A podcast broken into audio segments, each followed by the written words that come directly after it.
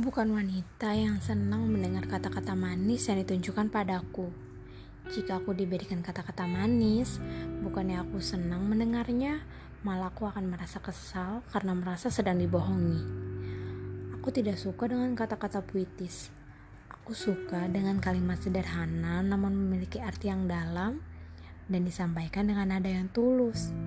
Yang mungkin kamu tidak sadari bahwa kalimat itu bermakna untukku. Aku juga bukan wanita yang senang bila tiba-tiba dibelikan bunga mawar. Aku lebih senang melihat bunga-bunga itu tumbuh di tempat seharusnya ia tumbuh. Walau tidak dapat dibohongi bahwa sebaket bunga terlihat sangat indah jika dimiliki. Tapi entah kenapa setangkai mawar merah yang pernah kau berikan kepadaku lima tahun lalu tetap terasa indah menurutku. Tapi entah kenapa, kata-kata yang mungkin bukan kau maksudkan untuk menggombal, hanya secelutukan spontan, namun mampu membuatku senyum-senyum sendiri jika mendengarnya dan mengingatnya lagi. Topik random yang sering kita diskusikan menjadi hal-hal manis yang patut untuk diingat kembali.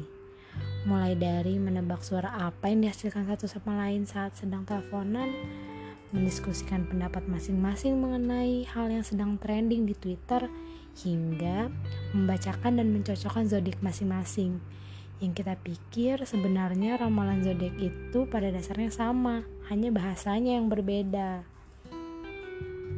Setelah hal-hal yang kulewati, yang kalau kata Hindia, pindah berkala rumah ke rumah, mengambil pelajaran jika berpisah. Aku mungkin dapat menyimpulkan Bukan kata-kata manis yang membuatku senang jika mendengarnya. Bukan juga topik apa yang membuat obrolan terasa asik. Atau barang apa yang saling diberikan satu sama lain. Tapi, tentang dengan siapa segala topik dapat dibicarakan, dengan siapa waktu yang kita habiskan bersama sangat dinanti, dengan siapa cerita hari ini nyaman untuk dibagi, atau dan tentang siapa yang dapat menerima segala sisi kehidupanmu yang lain dan tentang siapa yang selalu mendukungmu dan setia berada di sisimu.